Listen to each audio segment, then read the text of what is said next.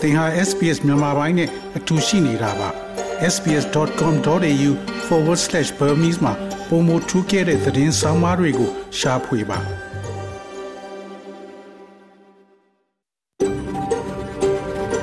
SBS A world of difference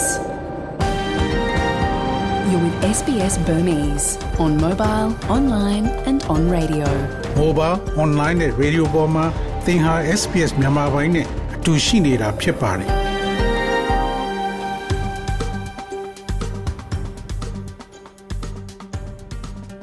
တော်ရရှိမြကျက်တီမင်္ဂလာဖျားဖျားနဲ့ပြည်စုံတော်မူကြပါစားခင်ဗျာဒီနေ့ဩဂတ်စ်လ29ရက်စနေနေ့မြန်မာပိုင်းစီစဉ်များကိုစတင်အသံလွှင့်နေပါရခင်ဗျာဒီနေ့အစီအစဉ်များကိုကျွန်တော်ကြော်ထွန်းအောင်ခေါ် Terrell အောင်ကတင်ဆက်သွားမှာဖြစ်ပြီးယနေ့ပါဝင်မဲ့အစီအစဉ်များမှာတော့ သစ်မိသားစု လောင်ကစားပြဿနာရှိတဲ့အခါအကူအညီရယူပါဆိုတဲ့ဆောင်းပါးတန်ရိခက်ကပေးပို့ထားတဲ့မွန်းချက်မှုများကြားကမြန်မာပြည်သူများဆိုတဲ့သတင်းဆောင်ပါအကာအကွယ်မဲ့နေစေစစ်ဘေးရှောင်တို့ဘဝဆိုတဲ့ဆောင်းပါးတို့ဖြစ်ပြီးဒီနေ့ခေါင်းကြီးပိုင်းသတင်းတွေကတော့ဘာလီဘုံဖောက်ခွဲသူလွန်ငင်းချမ်းသာခွင့်ပေးမည်ယူကရိန်းနျူကလ িয়ার စစ်ရေးအခြေအနေအလွန်စိုးရိမ်ကြောင်းကုလကထုတ်ပြော စီးပွားရေးပိုကျက်တဲနေတဲ့ရန်ကုန်မြို့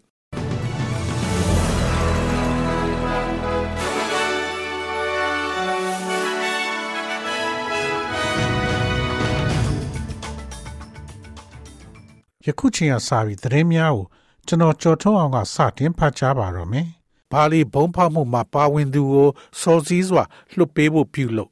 2002ခုနှစ်ဘာလီဘုံခွဲမှုမှအသက်ရှင်ကျန်ရသူတူက ဘုံထုတ်လုပ်သူအားရပ်ပိုင်းအတွင်းလုံငိမ့်ချမ်းသာခွင့်ပေးမဲ့သတင်းအတွက်သူမဝမ်းနဲ့ခြေခွဲပြီးစိတ်ပြက်မိကြောင်းပြောဆိုပါတယ်။ဥမာပါတိတ်သည်ဩစတြေးလျနိုင်ငံသား88ဦးအပါအဝင်လူပေါင်း202ဦးကိုတပ်ဖြတ်ခဲ့တဲ့ night club တစ်ခုတွင်ဘုံများရောစမှုဖြင့်အပြစ်ရှိကြောင်းတွေ့ရှိပြီးနောက်2012ခုနှစ်တွင်ထောင်ဒဏ်အနှစ်20ချမှတ်ခံခဲ့ရပါတယ်။ ပါတက်သည်၎င်းရဲ့စီရင်ချက်၏သုံးပုံနှစ်ပုံအားချခံရသောကြောင့်လွန်ငင်းချမ်းသာခွင့်ရခဲ့သောလေ၎င်းရဲ့ကံကြမ္မာကိုအင်ဒိုနီးရှားတရားရေးဝန်ကြီးဌာနကဆုံးဖြတ်မှာဖြစ်ပါတယ်။အသက်48နှစ်အရွယ်အသက်ရှင်ချမ်းရစ်သူ Theolina F မပေါင်းကသူဒီလွန်ငင်းချမ်းသာခွင့်ကိုငင်းပယ်ခံရမယ်လို့မျှော်လင့်ကြောင်းယခုလိုပြောကြားပါတယ်။အသက်ရှင်ကျန်ရစ်သူအနေနဲ့ဒီစကားကြားရတာကတော့မပြောပါဘူး။ ပုဂ္ဂိုလ်ရေးအရတော့အသက်ပေါင်းများစွာ ဆုံးရှုံးခဲ့ရလို့လွတ်မပေးဘူးလို့မျှော်လင့်ပါတယ်။ယူကရိန်းနျူကလ িয়ার စစ်ရုံအခြေအနေကြောင့်အလွန်အမင်းဆိုးရုံပူပန်းကြောင်းကုလသမဂ္ဂပြော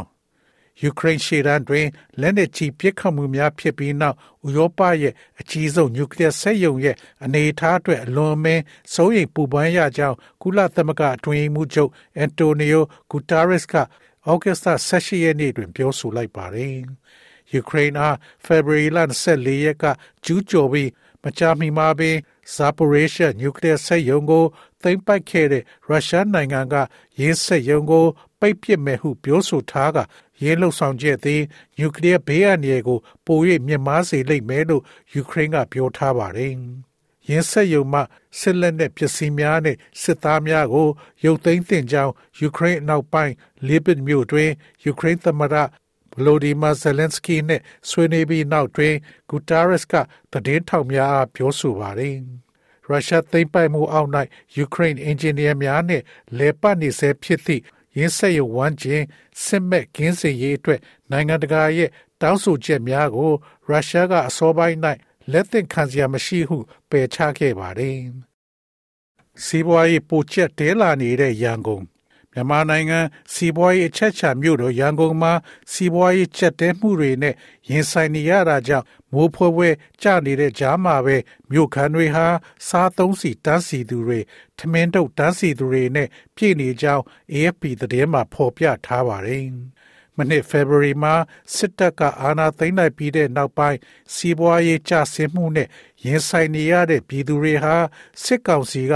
နိုင်ငံခြားငွေလဲလှယ်မှုကိုတင်းကျပ်စွာထိန်းချုပ်လိုက်တာအပြင်ပို့ကုန်သွင်းကုန်လုပ်ငန်းတွေနဲ့ပတ်သက်လို့လွဲမှားတဲ့အစီအမံတွေကြောင့်ပြည်သူတွေဟာတဖြည်းဖြည်းဆင်းရဲတွင်းနဲ့လာနေတာဖြစ်ပါတယ်။ဒါဒါအပြင်ရုရှားကယူကရိန်းကိုကျူးကျော်တိုက်ခိုက်တာရဲ့ နောက်ဆက်တွဲဖြစ်ကမ္ဘာလုံးဆိုင်ရာ စားတောက်ကုန်စည်တွေအစမတန်တက်နေတာရဲ့အကျိုးဆက်တွေကိုပါခံစားနေရတဲ့မြန်မာပြည်သူအတော်များများဟာပရာဟိတစေနာရှင်တွေလှူဒန်းတဲ့အစားအသောက်တွေပေါ်မိခိုအားကိုးလာကြရပါတယ်။အရင်ကစားသုံးစီတပိတ်သားကို9000ကျပ်ရှိရာကနေအခုဆိုရင်9000ကျပ်အထိနှစ်ဆနီးပါးတက်သွားခဲ့ပါတယ်။ မြန်မာလူဦးရေရဲ့40ရာခိုင်နှုန်းဟာနိုင်ငံတော်ကသတ်မှတ်ထားတဲ့စည်ရဲမွဲတေမှုနှိုးအောက်ကိုရောက်နေတယ်လို့ကမ္ဘာ့ဘဏ်ကဇူလိုင်လမှာပြောပါတယ်။ဒါအပြင်စားတောက်ကုန်ကုန်စည်နှုန်းဟာလည်းမနှစ်မတ်လနဲ့နှိုင်းယှဉ်လိုက်ရင်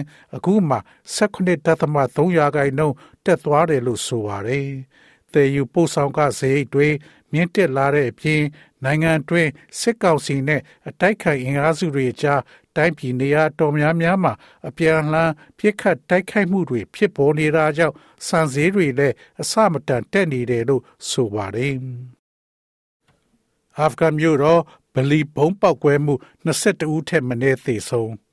အာဖဂန်နစ္စတန်နိုင်ငံကာဘူးမြို့ကဗလီတစ်ခုအတွင်းဘုံပောက်ကွဲမှုကြောင့်သေဆုံးသူ22ဦးရှိသွားပြီလို့တာလီဘန်အုပ်ချုပ်ရေးအဖွဲ့ကပြောဆိုပါတယ်။ ဖျားဝစ်ဖြူနေသူ33ဦးဟာလည်းထိခိုက်ဒဏ်ရာရသွားတယ်လို့မြို့တော်ကာဘူးတပ်ဖွဲ့ပြောခွင့်ရကာလစ်ဇာဒရန်က VOA ကိုပြောဆိုပါတယ်။မြို့ရဲ့မြောက်ပိုင်းခါခနာအရက်မှာရှိတဲ့စစ်တီကူယာဗလီကျောင်းအတွင်းဗုဒ္ဓဟူးနေ့နှောင်းပိုင်းဖျားဝစ်ဖြူနေချိန်အားပြင်းတဲ့ပောက်ကွဲမှုကြီးဖြစ်သွားခဲ့တာလို့မျက်မြင်သက်သေတွေနဲ့ရဲတပ်ဖွဲ့ကပြောဆိုပါတယ်။ အာဖဂန်အရေးကျွမ်းကျင်ပြီးဆူဖီဂိုင်းကွဲတရားဟောဆရာလည်းဖြစ်တဲ့အဲ့ဒီဗုဒ္ဓဟူးနေ့ဝိဖြူဆူတောင်းပွဲကိုဥဆောင်ကျင်းပနေတဲ့ဘာသာရေးခေါင်းဆောင်လည်းဖြစ်တဲ့အာမီယာမိုဟာမက်ကာဘူလီလည်းတည်ဆုံးတဲ့ထဲမှာပါတယ်လို့ဆိုပါတယ်။အီတလီနိုင်ငံအခြေစိုက် Emergency 7ပရာဟိတအဖွဲ့ကဖွင့်ထားတဲ့ဆေးရုံရဲ့အဆိုပါအရ ပောက်ကွဲတဲ့နေရာကသေလာတဲ့ဒဏ်ရာရသူ29ဦးထဲက2ဦးသေဆုံးနေပြီးနောက်တစ်ဦးကတော့အရေးပေါ်ခန်းထဲမှာကွယ်လွန်သွားတယ်လို့ပြောဆိုပါတယ်။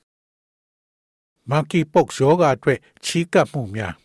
Monkey Pox ရောဂါဖြစ်ပွားမှုကိုစီမံခန့်ခွဲရရွေးချယ်စရာများအားလုံးကိုစုံစမ်းစစ်ဆေးရန်ပြည်내နဲ့နယ်မြေများနှင့်အတူပူးပေါင်းဆောင်ရွက်သွားမှာဖြစ်ကြောင်း Federal အစိုးရမှပြောဆိုပါတယ်။ အထီရောက်ဆုံးကာကွယ်ဆေးအတွက်ကဘာလုံးဆိုင်ရာလိုအပ်ချက်ကို ထုတ်လုပ်သူတူဦးသေးကိုကန့်သတ်ထားပါတယ်။ Victoria မှာလူတွေကိုကာကွယ်ဆေးနှလုံးအစားတစ်လုံးထိုးပေးနေပါတယ်။ New South Wales ရှိလူများသည်ဆေးနှမျိုးလုံးကိုရရှိနိုင်ပါတယ်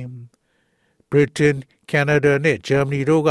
လူတူကိုနှစ်ကြိမ်ထိုးပေးမဲ့အစားတစ်ကြိမ်ပဲထိုးပေးနေပါတယ်။ American ပြည်ထောင်စုတွင် Pride ပွဲများကိုတက်ရောက်သူများကို Monkeypox ကာကွယ်ဆေးထိုးပေးမှာဖြစ်ပါတယ်။ American ပြည်ထောင်စုသည်ကာကွယ်ဆေးနှစ်ကြိမ်ထိုးပေးတော်လဲပုံမှန်ထိုးဆေးရဲ့ငါးပုံတစ်ပုံကိုပေးခြင်းဖြင့်၎င်းရဲ့ဆေးထိုးပေးမှုကို တိုးချဲ့လျက်ရှိပါတယ်။ကုလအထူးကိုယ်စားလှယ် NUG နဲ့ပါတရားဝင်ထိတွေ့ဆက်ဆံဖို့အထူးကြံပေးကောင်စီကထုတ်ပြန် ကုလသမဂ္ဂအထွေထွေအတွင်းရေးမှူးချုပ်ရဲ့မြန်မာနိုင်ငံဆိုင်ရာအထူးကိုယ်စားလှယ် Miss Nolan Hazer ဟာသူ့ရဲ့လုပ်ပိုင်ခွင့်ထဲကလိုအပ်ချက်တစ်ခုဖြစ်တဲ့အာဏာသိမ်းစစ်ကောင်းဆောင်ဗိုလ်ချုပ်မှုကြီးမင်းအောင်လှိုင်နဲ့တွဲဆုံမှုပြီးခဲ့တဲ့နောက်အမျိုးသားညီညွတ်ရေးအစိုးရနဲ့လည်းအပြုသဘောဆောင်တရားဝင်ဖြစ်တဲ့တွဲဆုံဆွေးနွေးမှုပြုလုပ်လိုက်မယ်လို့မျှော်လင့်တဲ့အကြောင်းမြန်မာနိုင်ငံဆိုင်ရာအထူးအကြံပေးကောင်စီ SAC-M ကကြေညာချက်ထုတ်ပြန်လိုက်ပါတယ်။ ကုလထူးကိုယ်စားဟာတာဝန်ပေးအပ်ခံရပြီးကိုလအကြာမှာနေပြည်တော်ကိုတွားရောက်ပြီးစစ်ကောင်းဆောင်နဲ့တွေ့ဆုံခွင့်ရခဲ့တာကို အထူးအကြံပေးကောင်စီကဝမ်းမြောက်ပေမဲ့လူသတ်မှုအမြောက်များအတွက်တာဝန်ရှိတဲ့စစ်ကောင်းဆောင်ရဲ့သွေးဆူနေတဲ့လက်ကိုဆွဲကင်နှုတ်ဆက်ခဲ့ရတာဟာအလွန်ဆိုးဝါးပါတယ်စစ်ကောင်းဆောင်နဲ့တွေ့ဆုံခဲ့တာဟာအထူးကိုယ်စားလှယ်တဦးအနေနဲ့သူ့ရဲ့လောက်ပိုင်ခွင့်တာဝန်ကို ဖြည့်ဆည်းဖို့လိုအပ်တဲ့လောက်ရဖြစ်ပေမဲ့ ဒီအထက်ကဘာမှအရေးမကြီးတဲ့တိုးတက်မှု ဖြစ်မလာတာဟာထင်ရှားပါတယ်လို့အထူးကြံပေးကောင်စီအဖွဲ့ဝင်မစ္စတာခရစ်စီဒိုဒီကကြီးညာချက်ထဲမှာဖော်ပြထားပါတယ်။အရင်ကဆေလွတ်ခဲ့တဲ့ကုလအထူးကိုယ်စားလှယ်တွေဟာလည်းရိုဟင်ဂျာတွေပေါ်လူမျိုးတုံးတပ်ဖြတ်မှုကျူးလွန်တာအပါအဝင်မြန်မာပြည်သူတွေပေါ်ညာတာဖို့စစ်ကောင်းဆောင်တွေကို တောင်းဆိုခဲ့ပေမဲ့မထူးခြားခဲ့တဲ့အကြောင်းမြန်မာအရေးဂျားဝင်ဆောင်ရွက်ဖို့အာဆီယံဥက္ကဋ္ဌရဲ့အထူးတန်ရဲ့ကြိုးပမ်းအားထုတ်မှုတွေကိုလည်းစစ်ကောင်းဆောင်ကမထေမဲမြင်ပြုခဲ့တာခံရတယ်လို့ကြေညာချက်မှာဖော်ပြထားပါတယ်။တရုတ်ကတက်ကြွလှုပ်ရှားသူများကိုစိတ်ယောဂကုဆေးရုံများသို့ပို့ဆောင်ခြင်းဖြင့်အပြစ်ပေးနေ တရုတ်ရဲများနှင့်အစိုးရအဖွဲ့များသည်တက်ကြွလှုပ်ရှားသူများနှင့်စုပေါင်းတောင်းဆိုမှုလှုပ်ဆောင်သူများကို အမှန်တကယ်မလိုအပ်ဘဲမဖြစ်မနေစေကူသမှုခံယူရန်စိတ်ယောဂကုလူနာဆောင်များသို့ပို့ကြကြောင်းနှင့်တချို့မှာနှစ်ပေါင်းများစွာဆင်းရဲဒုက္ခခံရကြောင်း Safeguard Defenders မှထုတ်ပြန်တဲ့အစီရင်ခံစာမှာဖော်ပြထားပါတယ်။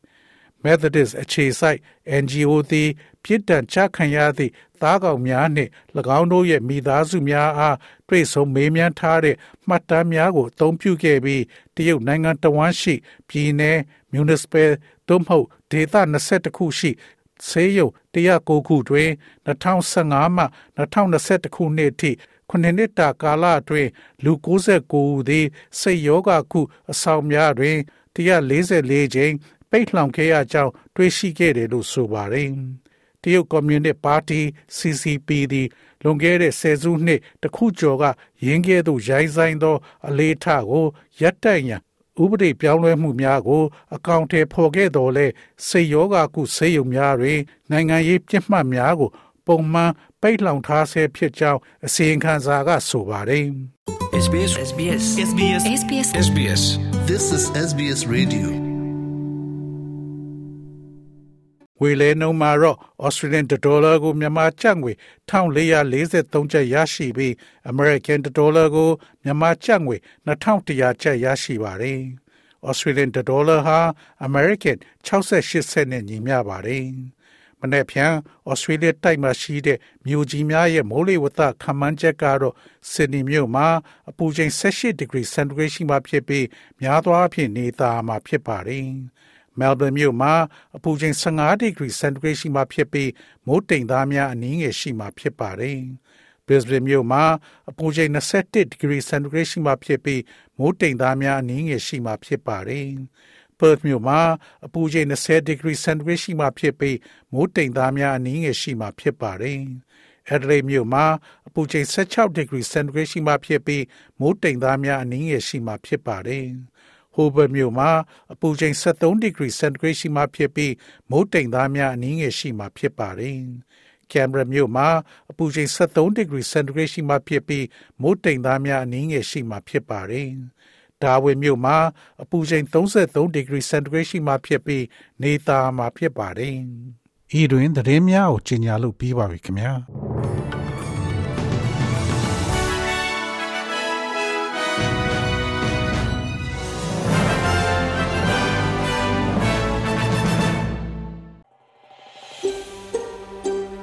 ဒါမျိုးသတင်းဆောင်မာတွေကိုပိုနားဆင်လိုပါလား Apple Podcast Google Podcast Spotify တို့မှာသင်ပင်ရာဖြစ်ဖြစ်ရယူတဲ့ podcast ကနေပါ။